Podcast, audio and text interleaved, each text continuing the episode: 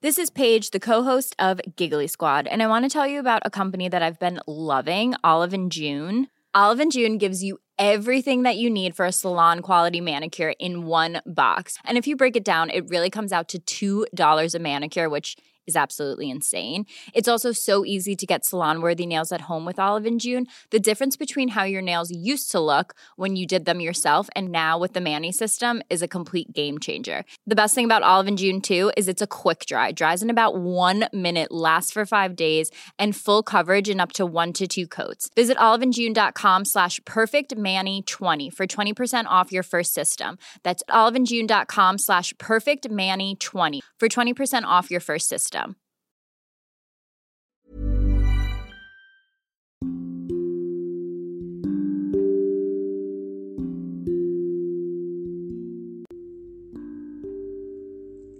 Hai, terima kasih sudah mengunjungi dan hendak mendengarkan podcast Dongeng Tidur.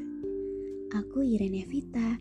Selama ini, aku pakai aplikasi Anchor untuk buat dan publish seluruh episodeku. Kalian juga bisa loh download dan pakai Anchor untuk buat podcast karena 100% gratis dan bisa didistribusikan ke Spotify dan platform podcast lainnya. Selamat mendengarkan Suami Istri Banyuwangi Part 2. Semoga lekas tidur dan bermimpi indah.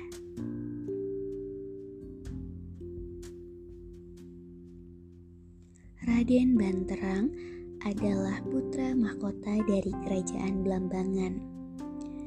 Ia sangatlah tampan, gagah, dan berwibawa seperti ayahandanya. Namun, kekurangan Raden Banterang adalah ia memiliki sifat yang mudah marah.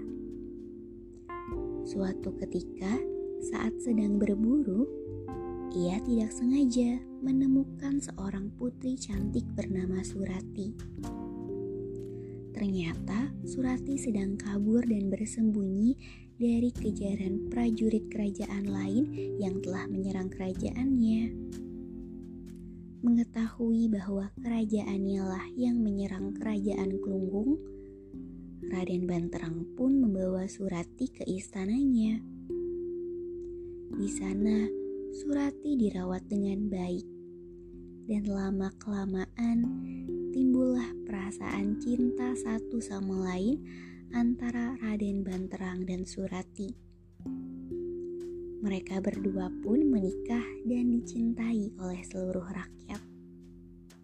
Namun suatu ketika, Surati bertemu kakaknya yang ia kira sudah meninggal kakak Surati memintanya untuk bekerja sama membalas dendam dan membunuh Raden Banterang suami Surati. Maaf kak, aku tidak bisa. Raden Banterang adalah suamiku. Dia sangat baik kepadaku. Dan dialah yang telah menolongku selama ini. Aku sangat mencintainya. Jawab Surati. Mendengar hal itu, kakak Surati akhirnya pergi meninggalkan adiknya tanpa mengucapkan apa pun. Meskipun kecewa dengan jawaban sang adik, ia tidak mampu berbuat apa-apa untuk memaksa adiknya memenuhi permintaannya.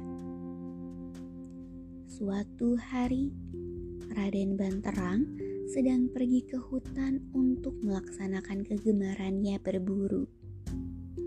Ketika sedang mengejar kijang buruannya, tiba-tiba ia dihadang seorang pengemis yang berpakaian compang-camping. Pengemis itu kemudian menghampiri Raden Banterang. Maaf Raden, jika hamba yang hina ini telah mengganggu kesenangan Raden hamba hanya ingin mengingatkan Raden agar berhati-hati. Saran pengemis itu. Apa maksudmu? Tanya Raden Banterang. Tadi pagi hamba melihat Tuan Putri Surati bercakap-cakap dengan kakak kandungnya. Mereka merencanakan untuk membunuh Raden sebagai balas dendam atas kematian ayah mereka. Kata pengemis itu lagi. Itu tidak mungkin. Jangan sembarangan bicara kau pengemis. Ucap Raden Banterang marah. Maafkan hamba, tapi jika Raden tidak percaya, silakan Raden lihat di bawah peraduan Tuan Putri. Pasti ada sebuah keris pusaka. Ucap pengemis meyakinkan.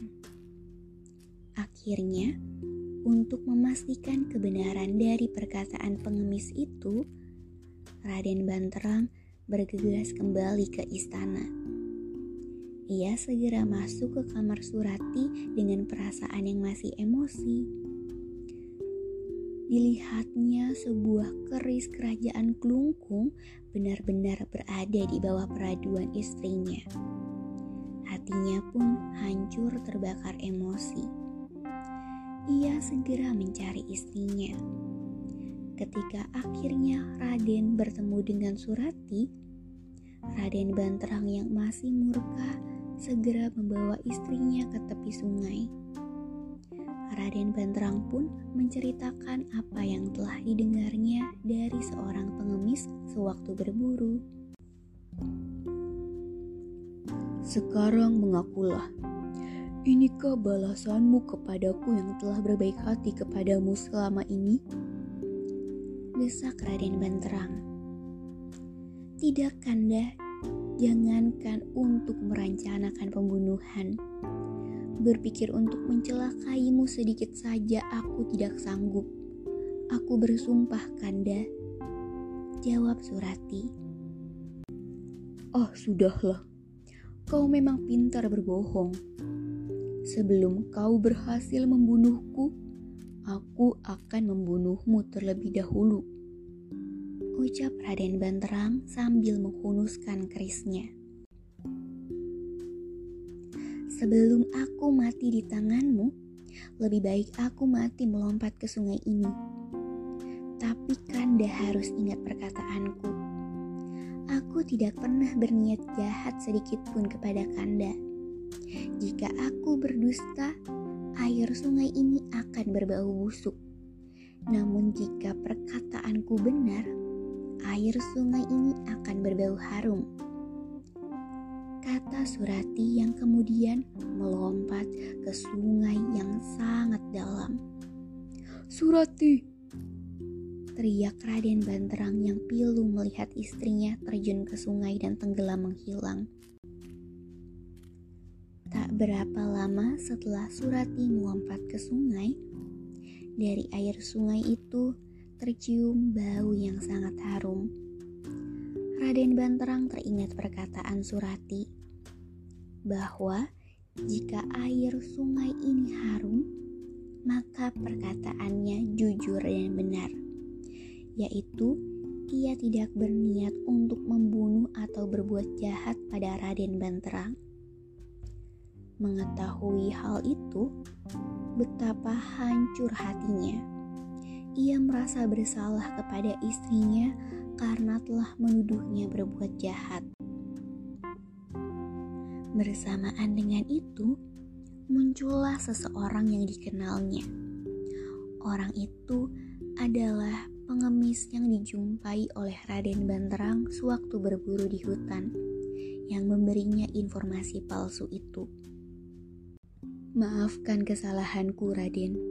Sebenarnya, Aku adalah kakak Surati dari kerajaan Glungkung. Aku hanya ingin membalas dendam atas kematian ayahku. Maka aku hendak mengadu domba kalian untuk membuatmu sakit hati. Aku pula lah yang diam-diam menaruh keris itu di tempat Surati. Akan tetapi, perbuatanku untuk menipumu justru malah mencelakakan adik kesayanganku. Ia memang tidak bersalah. Terbukti air sungai itu berbau harum. Jelas kakak Surati menyesal. Raden Banterang yang mendengarnya sangat marah pada kakak Surati yang telah memfitnah istrinya sehingga menyebabkan kematiannya.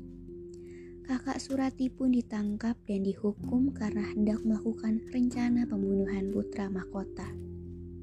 Di sisi lain, Raden Bantrang terus mengunjungi sungai itu dan merasa sangat kehilangan atas kepergian istri tercintanya. Air sungai yang berbau harum itu pun dinamakan Banyu Wangi. Banyu berarti air, sedangkan wangi berarti harum. Nama Banyuwangi kini dijadikan sebagai nama sebuah daerah yang berada di pinggir pantai Pulau Jawa.